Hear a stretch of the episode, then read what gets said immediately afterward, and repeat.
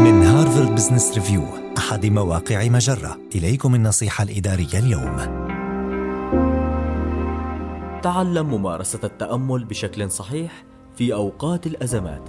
من الطبيعي الشعور بالخوف والتوتر في ظل الظروف التي يعيشها عالم الأعمال في عصر فيروس كورونا وهنا يبرز دور التأمل الذاتي لقادة الشركات إذ يساعد القادة على تجاوز مشاعر الغموض وتحقيق الأهداف. كيف يمكنك ممارسة التأمل بشكل صحيح في أوقات الأزمات؟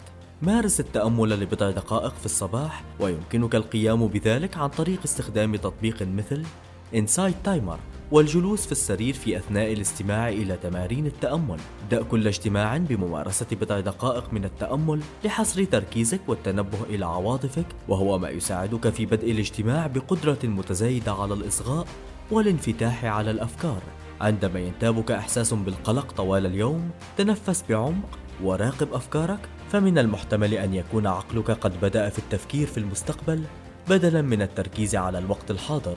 اجلس في مقعدك وأغلق عينيك وركز انتباهك على حركة بطنك ثم خذ نفسا عميقا وازفر وستلاحظ بعد فترة أن أفكارك أصبحت أقل هدوءا وقدرتك على التركيز والنشاط زادت.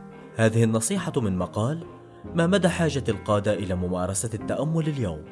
النصيحة الإدارية تأتيكم من هارفارد بزنس ريفيو أحد مواقع مجرة مصدرك الأول لأفضل محتوى عربي على الإنترنت